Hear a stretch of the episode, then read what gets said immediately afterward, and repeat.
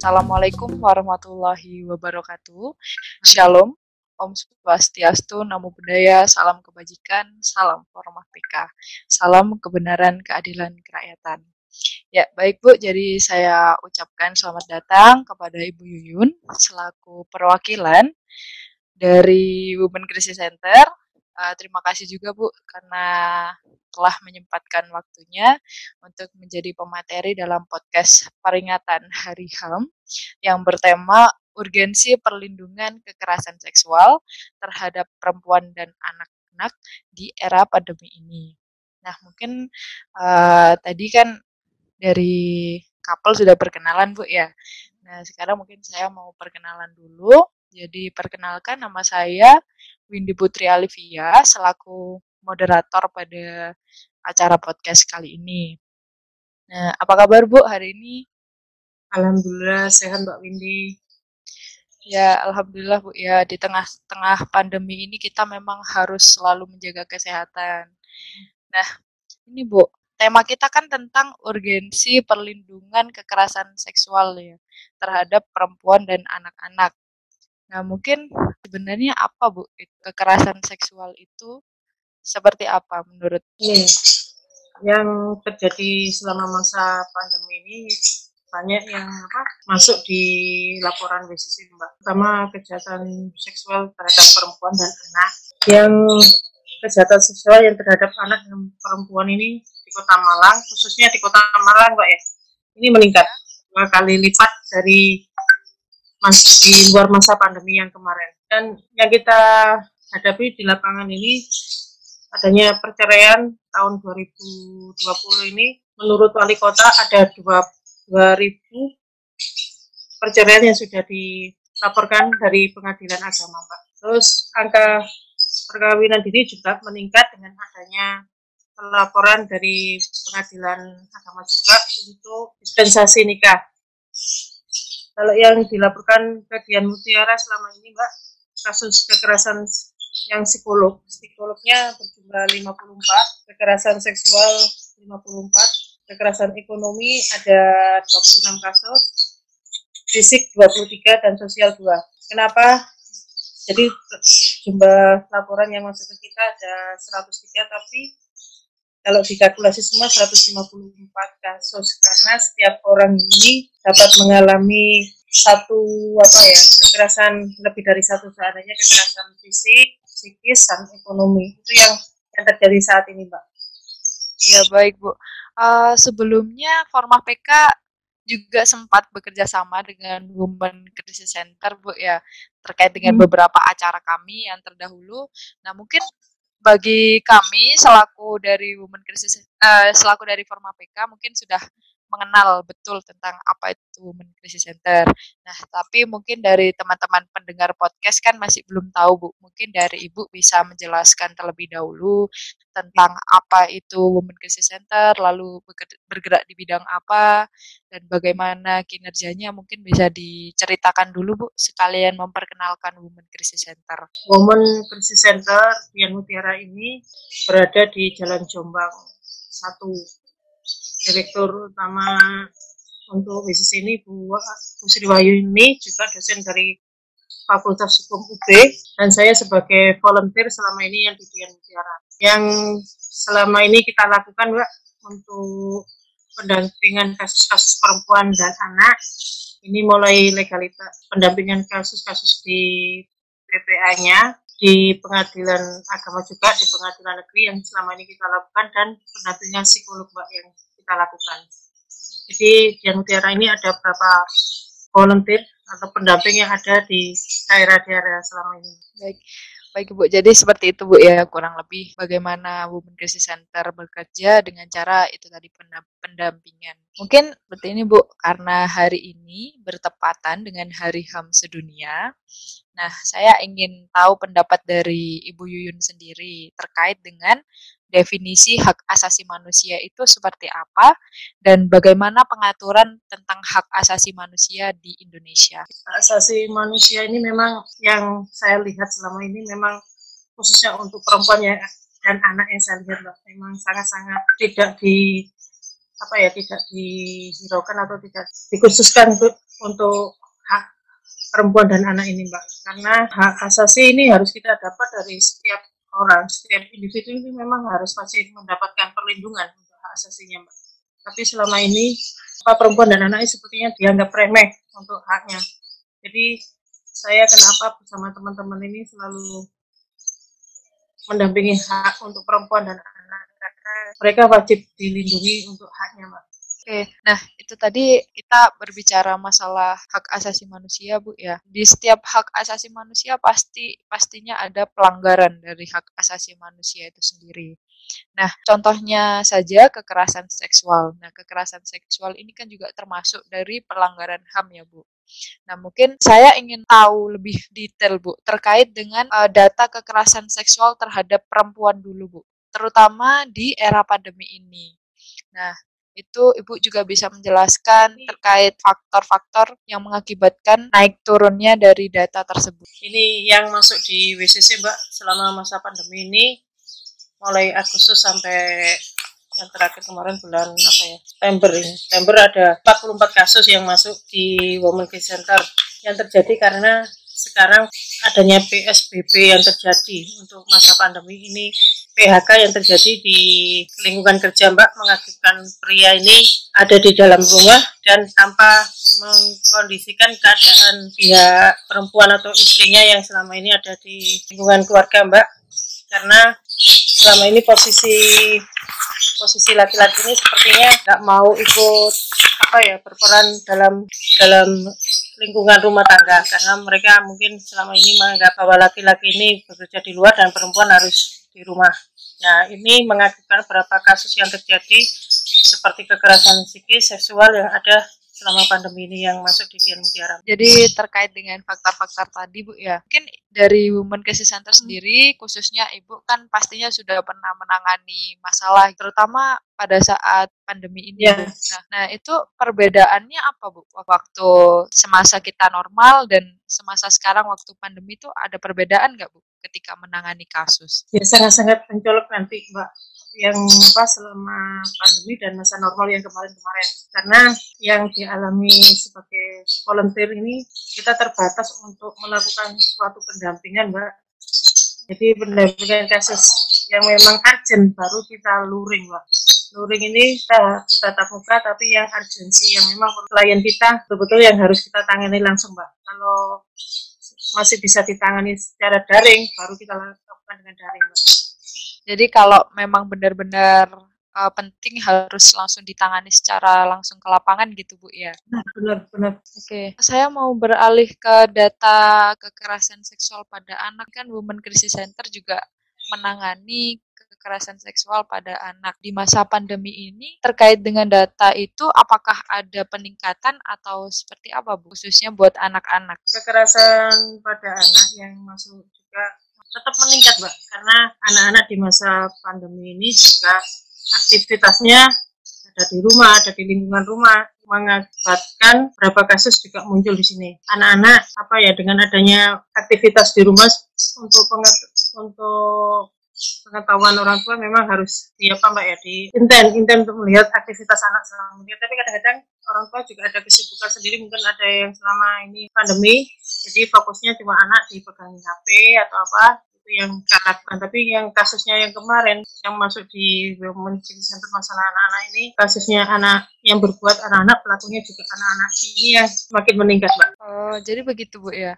Nah mungkin ya. uh, dari Women Crisis Center sendiri itu bagaimana bu cara-cara mendampingi kasus khususnya buat anak-anak Bu ya? Karena dari anak-anak sendiri seperti yang kita tahu kan mereka cenderung tidak berani buat uh, bilang gitu ya ke orang tuanya kayak saya pernah mengalami kekerasan seksual pasti mereka tidak berani gitu Bu untuk cerita. Nah, mungkin bagaimana cara dari Women Crisis Center sendiri untuk mendampingi kasus-kasus yang seperti itu? Jadi kasus anak-anak memang perlu penanganan khusus karena anak-anak ini kondisi memang kadang labil untuk masalah anak-anak untuk berani bicara untuk bagaimananya ini harus kita lihat situasi anak kejiwaan anak yang harus kita apa kita lihat mbak.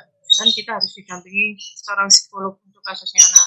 Ada beberapa permasalahan kasus yang anak kasus anak-anak ini kemarin sempat kita tangani dari orang tua yang memang melapor dulu karena lihat kondisi fisik anaknya mulai ada perubahan. Makanya orang tua ini berani melapor ke volunteer atau ke, langsung ke Menteri? Baik Bu, saya agak tertarik ini Bu. Tadi uh, ada kasus yang memang kekerasan seksual ini dilakukan dari anak ke anaknya itu mungkin Ibu bisa menceritakan kasusnya seperti apa? Saya cukup tertarik mendengar hal tersebut. Usia anaknya masih umur 4 tahun, pelakunya SD umur 7 tahun, Mbak. Karena di lingkungan, kita sebut aja di suatu tempat di rusun mbak. Memang kondisi rusun Nawa itu memang apa ya lingkup lingkup anak-anak bermain ya di lingkup itu aja. Dan salah satu orang tuanya sibuk bekerja karena memang tuntutan ekonomi yang membuat mereka harus apa, perhatian anak mungkin kurang mbak. Jadi mereka anak-anak ini lebih bebas untuk bermain di lingkungan itu. Akhirnya kejadian KS terjadi dan si anak korban korban berani melakukan apa kondisinya mulai agak nggak enak nggak nyaman dengan kondisi dia juga akhirnya berani melapor ke ibunya setelah kejadiannya hampir dua minggu. Dan pelaku ini teman dekatnya juga teman bermain juga masih umur tujuh tahun tapi mereka sudah biasa kayaknya sudah biasa dan terbiasa melihat kondisi orang tuanya. Ditanya sama teman-temannya kenapa kok berbuat itu? Karena orang tua saya juga kayak gitu. Mungkin kondisi rumah yang memang di Rusunawa ini hanya terbatas satu kamar terus ya dan kondisi anak-anak di situ bebas untuk bermain mbak ini akhirnya terjadi suatu kejadian kejahatan seksual yang mungkin kemarin sempat kita bawa ke PPA Polresa juga sekarang lagi nunggu panggilan untuk orang tuanya karena korban dan pelaku kan sama-sama anak-anak. Uh, jadi selain faktor lingkungan, mungkin ini juga ada dari faktor orang tua juga bu ya. Karena tadi kan ternyata si pelaku juga sering melihat orang tuanya seperti itu. Iya, gitu, benar. Mungkin tanya ke ibu, ibu kan di sini juga selaku sebagai orang tua. Nah, kiranya bagaimana sih Bu kita itu mendidik seorang anak gitu supaya tidak sampai melakukan kekerasan seksual gitu. Ini itu seperti yang saya lakukan, Mbak. Saya punya pendampingan anak-anak di rumah belajar di Rumbel karena memang di sana banyak usia TK sampai SMP karena kondisi orang tua memang sebagian pemulung. Jadi saya kita terapkan untuk bagaimana ke orang tua untuk satu bulan sekali kita pertemuan untuk masih apa ya sosialisasi masalah cara mendidik anak yang bagaimana kita ngajak seorang apa pendidik atau teman-teman yang memang berkompeten di bidangnya pengasuhan parenting, Mbak, yang kita lakukan. Jadi ini mungkin ya memang kita harus pelan-pelan, nggak mungkin instan untuk melakukan sesuatu kegiatan ini, Mbak. Kita perlu pendekatan karena setiap setiap apa individu, setiap lingkungan berbeda untuk cara mendidik, Mbak. Untuk saya, untuk yang saya lakukan, mendidik anak ini bukan dengan cara seandainya anak melakukan kesalahan tapi bukan dengan cara kekerasan tapi diajak ngomong diajak bagaimana cara dia untuk bisa ngomong ke orang tua kesalahan saya kayak gini. Itu yang perlu pendekatan-pendekatan kepada anak mbak. Karena perlakuan seperti pendekatan dengan anak dan orang tua ini harus kita lakukan. Karena anak mungkin takutnya kita anak lebih bisa ngomong ke orang lain tapi untuk ke orang tua kadang-kadang mereka juga takut. Makanya itu kita harus siasati bagaimana ngomong ke anak-anak mbak Ibu. Jadi uh, intinya memang harus ada pendekatan gitu ya, Bu ya. Dari dari orang tuanya sendiri kepada anak anak-anak khususnya ini kan masa pandemi, Bu ya. anak-anak uh, kan pasti cenderung bosan di rumah gitu. Ya, jadi harus ada ini, Bu ya, uh, pendekatan gitu dari orang tuanya ke anak-anak gitu supaya tidak terjadi hal-hal yang tidak diinginkan. Nah, mungkin ini, Bu. Perempuan sama anak-anak itu kan selalu rentan ya Bu menjadi korban dari kekerasan seksual. Nah menurut Ibu sendiri dan dan menurut pengalaman ibu selama di lapangan. Nah, Hmm. apakah kekerasan seksual itu disebabkan oleh tidak adanya kesetaraan gender? Ini kesetaraan gender yang diupayakan Women Crisis Center ini perempuan ini di mana-mana bisa bergerak Pak, bisa ada kesempatan untuk menempatkan dirinya di mana pun di mana pun dia melakukan aktivitas. Jadi Crisis ini mempercayakan perempuan-perempuan atau volunteernya bisa bergerak di mana pun di segala bidang. Jadi gerakan kita ini Crisis Center untuk perempuan diberi leluasa untuk bergerak Pak. di bidang pendidikan, di bidang kesehatan. Mungkin sering kita lakukan ini pendampingan walaupun kita ini perempuan bisa menjadi relawan sama-sama juga seperti laki-laki Mbak. menghadapi masalah kesetaraan gender, Bu ya. Eh, upaya-upaya yang sudah dilakukan oleh Women Crisis Center sendiri seperti apa, Bu? Terkait dengan adanya ketidaksetaraan gender itu tadi. Upaya Women Crisis Center untuk memberikan keleluasaan untuk setiap perempuan ini di segala bidang mereka bisa melakukan aktivitas Mbak sama seperti di bidang kesehatan, di bidang pendidikan, terutama di volunteernya relawan Mbak, karena perempuan juga bisa jadi perempuan tangguh juga di mana pun dia melakukan kegiatan, sepertinya di kerelawanan, kerelawanan.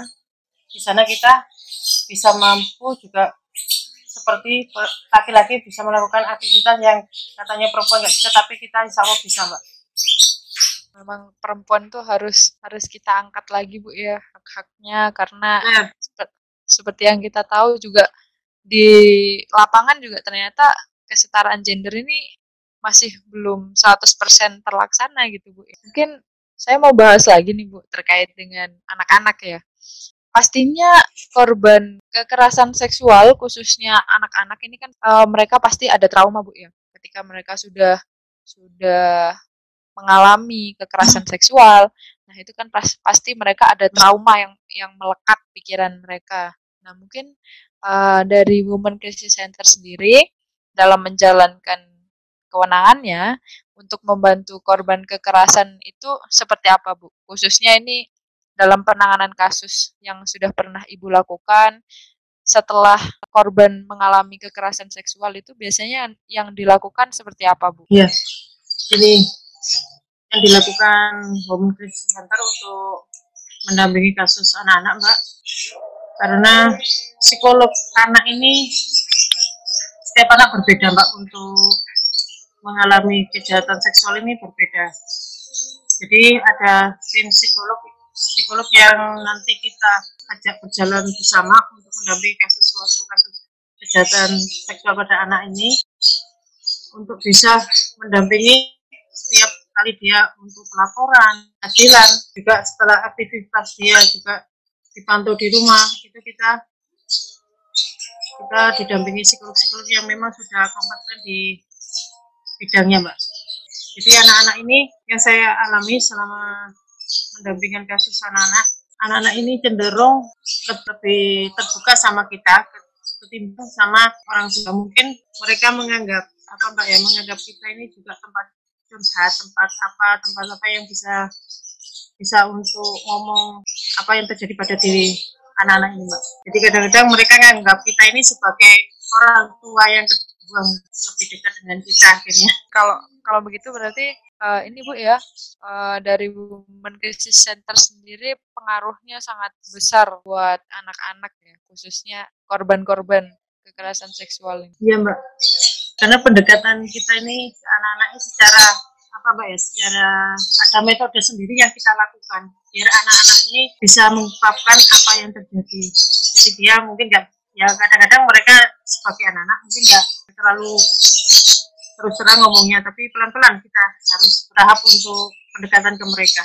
Memang anak-anak itu kan memang eh, cenderung takut Bu ya kalau cerita ke orang tuanya. Mungkin di sini dengan hadirnya Women Crisis Center mungkin mereka bisa lebih eh, membuka gitu ya, membuka pikiran mereka dan berani untuk cerita ke Women Crisis Center sendiri. Mungkin ini Bu, eh, beberapa waktu lalu mungkin Ibu juga sudah mendengar ya berita ini baik di media massa atau di mana pun mungkin sudah ramai juga terkait dengan RUU PKS Bu. Ya. RUU PKS ini kan memang menuai kontroversi Bu ya. Mulai dari kalangan mahasiswa, kalangan sivitas akademika juga juga apa namanya? juga merasakan gitu. Resah gitu mereka terkait dengan RUU PKS yang belum disahkan oleh DPR. Nah, menurut menurut Ibu sendiri penting nggak sih Bu RUU PKS ini untuk disahkan? Sebetulnya gini Mbak, memang yang kita harapkan kan dari kemarin ini kapan disahkan karena perlindungan perempuan dan anak ini undang-undangnya sampai sekarang kan kita masih ngambang belum tahu kejelasannya bagaimana untuk kasus ini. Dan perempuan ini perlu keadilan anak ini perlu keadilan. Di mana keadilan itu bisa kita dapat kalau selama ini undangnya belum disahkan gitu Mbak karena kita sebagai volunteer sebagai pendamping kadang-kadang merasa apa juga kadang-kadang terlarut dengan permasalahan perempuan dan anak karena kita juga anak punya sebagai saudara perempuan teman perempuan sebagai dasar Women Crisis Center ini untuk tetap memperjuangkan hak perempuan dan anak. Uh, jadi mungkin memang RUU PKS ini perlu ya Bu disahkan karena melihat situasi dan kondisi di lapangan ya. karena memang banyaknya Bu ya data aduan kekerasan seksual namun sampai sekarang juga masih belum ada undang-undang yang menunjang tentang kekerasan seksual sendiri. Saya ingin tanya Bu kepada Ibu ya, pendapat pendapat pribadi Ibu. Uh, menurut Ibu dengan nantinya ketika RUU PKS ini disahkan, apakah RUU ini sudah cukup efisien Bu dalam menunjang hak-hak korban kekerasan kekerasan seksual khususnya anak-anak dan perempuan. Apakah sudah cukup menunjang Ibu? Kalau di sisi yang kita lihat, tapi banyak yang belum belum masuk ke sana Mbak ya nantinya Mbak karena banyak yang kita apa yang kita pikirkan untuk undang-undang RUU ini supaya bisa bisa benar-benar mengena di perempuan dan anak ini harus kita lihat juga mbak nanti ke kebaikannya ke, ke belakangnya bagaimana harus kita tinjau juga mbak ini ada tambahan-tambahan sebetulnya yang belum masuk ya. Seperti ada ide ada apa yang tapi bagaimana kita ini menyampaikannya? Kan sudah berulang kali kita diskusi di sini untuk bisa menyampaikan ke teman-teman yang berkompeten untuk menyampaikan ke undang-undangnya mbak. Itu yang mungkin ada berapa yang belum tersampaikan itu mbak Oh jadi jadi dari Women Crisis Center sendiri sudah pernah mendiskusikan terkait dengan RUU PKS ini Bu ya? Iya karena ada pengurusnya di Women Crisis ini di Jakarta sebagai perempuan perwakilan Kota Malang sebagai di asasi perempuan Pak. Ada ada perwakilan di Kota Malang yang mewakili Dr. Retri. Ya baik Bu. Nah mungkin mungkin seperti ini Bu ya terkait dengan RUU PKS memang harus memang harus segera untuk kita sahkan gitu ya supaya bisa selanjutnya ditinjau kembali gitu Bu ya. Nah, benar. Terima kasih Bu untuk ilmunya ini tadi yang sudah sudah kita bahas juga beberapa Bu ya. Mungkin selanjutnya Ibu bisa menyampaikan atau kiranya seperti kalimat penekanan gitu atau pesan-pesan juga boleh Bu. Ya, pada semua pendengar podcast. Iya mbak. Ini mulai awal tadi kita sudah bicara tentang kekerasan perempuan dan anak. Untuk closing dari kita sebagai pendamping di Crisis Center. Satu, mendesak Pemkot untuk melakukan sinergi dan kolaborasi dengan semua pihak yang menjadi atau ditugaskan untuk menangani kasus perempuan dan anak yaitu UPPA di Polresta, P2TP2 atau DP3A 2P2KP menggandeng atau melibatkan akademis filantropi dan di dunia usaha atau media media sosial. Yang kedua, mengembalikan dan meningkatkan dana operasi, operasional mengingat kota Malang ini diharapkan akan menjadi contoh kota ramah hak asasi manusia, Mbak. Yang selama ini untuk di Kota Malang ini memang harus kita tekankan ke, ke pemerintah kotanya, Mbak. Ya, baik Bu. Jadi mungkin bisa saya ambil garis besarnya dari ya. podcast saat ini Bu ya. Jadi sejatinya perempuan dan anak harus meraih cita-citanya setinggi langit dan hmm. perempuan harus terbebas dari belenggu kultur yang menempatkan perempuan berada di kelas kedua. Nah, anak hmm. pun juga harus mendapat perlindungan atas haknya. Menjadi hmm. perempuan mandiri, milih dan tegas dalam bersikap merupakan cara terbaik untuk melawan. Bukan hmm. hanya kekerasan terhadap perempuan dan anak yang membutuhkan perlawanan, belenggu kultural juga harus dilawan demi terciptanya kesetaraan. Nah, bukan hanya oleh perempuan dan anak, tapi juga oleh sistem dan kebijakan yang setara, sehingga disahkannya RUU PKS dapat menjadi perisai sekaligus payung hukum yang kuat untuk membantu perempuan memperjuangkan hak-haknya dan hakikatnya anak harus dilindungi dari ancaman berbagai pihak. Mungkin seperti itu Bu ya. Iya benar Mbak. Uh, terima kasih Bu, saya ucapkan kepada Ibu Yuyun yang sudah menyempatkan waktunya untuk menjadi pemateri. Nah, diharapkan ke depannya kita bisa terus bekerja sama Bu ya, baik itu secara langsung ataupun secara online seperti ini. Uh, mudah-mudahan juga ilmu yang sudah dibagikan oleh Bu Yuyun dapat bermanfaat untuk pendengar podcast dan juga teman-teman dari Forma PK sendiri. Nah, mohon maaf Bu dari saya pribadi apabila terdapat salah kata selama memandu podcast kali ini. Uh, akhir kata, wassalamualaikum warahmatullahi wabarakatuh. Salam Forma PK. Salam kebenaran keadilan kerakyatan.